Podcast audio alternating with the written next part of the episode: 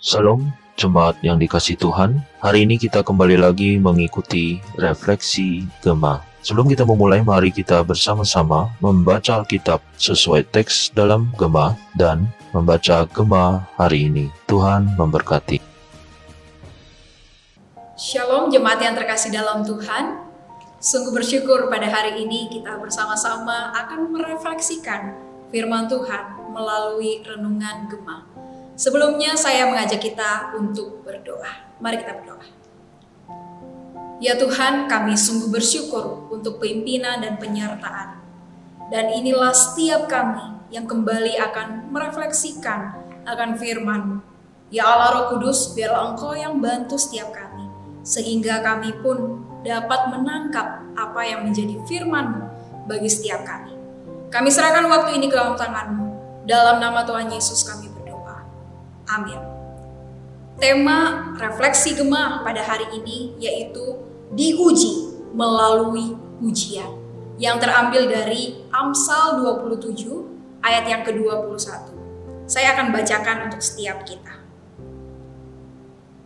Kui untuk melebur perak dan perapian untuk melebur emas dan orang dinilai menurut pujian yang diberikan kepadanya.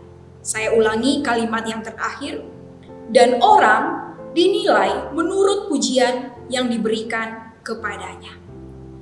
Jemaat yang terkasih, saya ini orang Makassar yang saat ini melayani di Jakarta.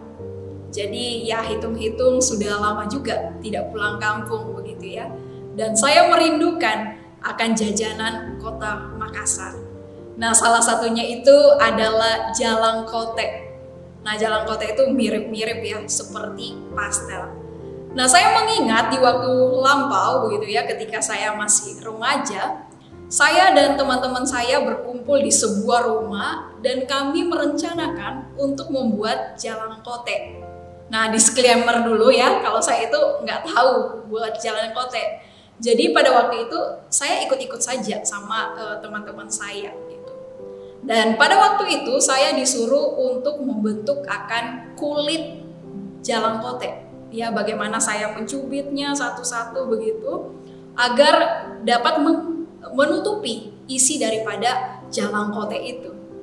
Nah, karena saya pada waktu itu ya tidak tahu membuat jalan kote bahkan sampai sekarang ya. Jadi saya ketika mencoba membungkus akan bungkusan jalan kote itu, saya beberapa kali gagal saya harus mempelajarinya sedemikian rupa begitu. Dan ya dalam proses yang ada, pada akhirnya saya berhasil ya untuk bisa membentuk kulit jalan kote di bagian luarnya itu dengan baik begitu. Dan sontak saja teman-teman saya yang melihat pada waktu itu memuji saya, wah Ria, bagus Ria, udah bisa berhasil begitu. Tapi tidak lama setelah saya dipuji begitu dengan teman-teman saya, saya pun mulai tidak berhati-hati. Saya mungkin ya kemakan puji gitu ya, mulai bangga begitu.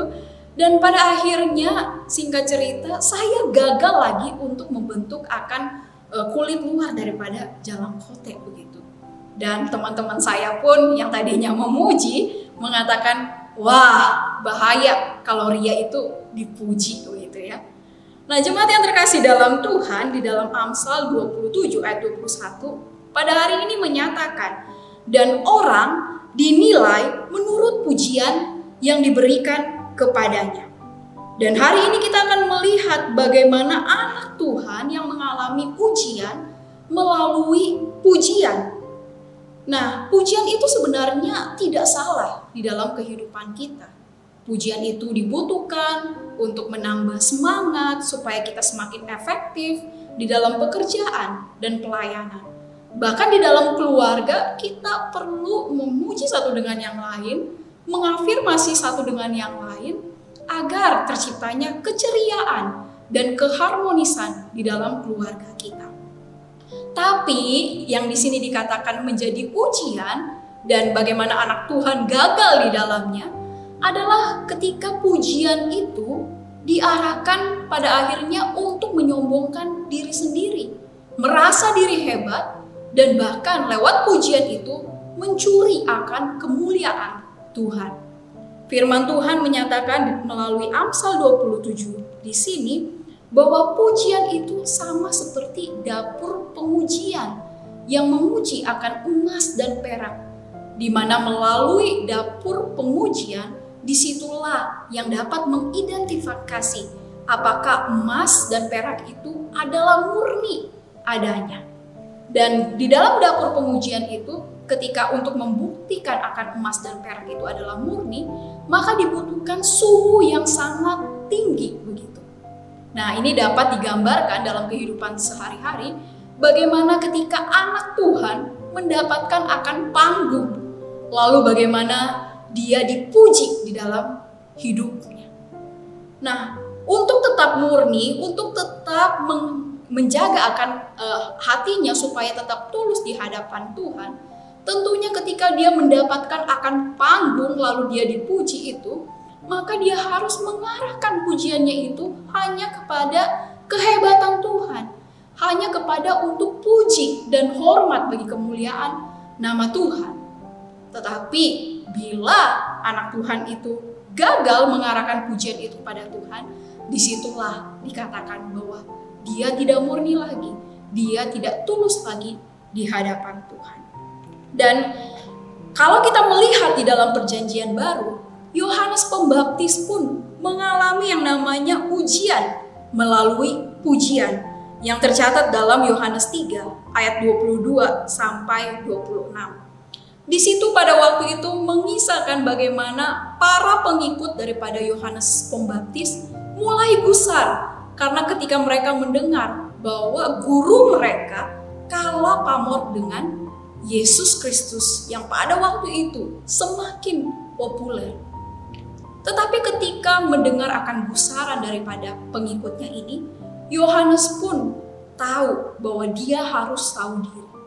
Dia mengarahkan akan pujian itu kepada Yesus Kristus sebagai Mesias yang seharusnya dijanjikan, dialah yang layak untuk menerima akan pujian dan kemuliaan daripada Tuhan.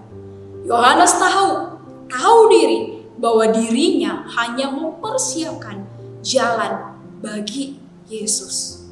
Nah jemaat yang terkasih dalam Tuhan, sekali lagi firman Tuhan mengatakan pada hari ini lewat refleksi kita bersama bahwa dan orang dinilai menurut pujian yang diberikan kepadanya. Bagaimana dengan setiap kita?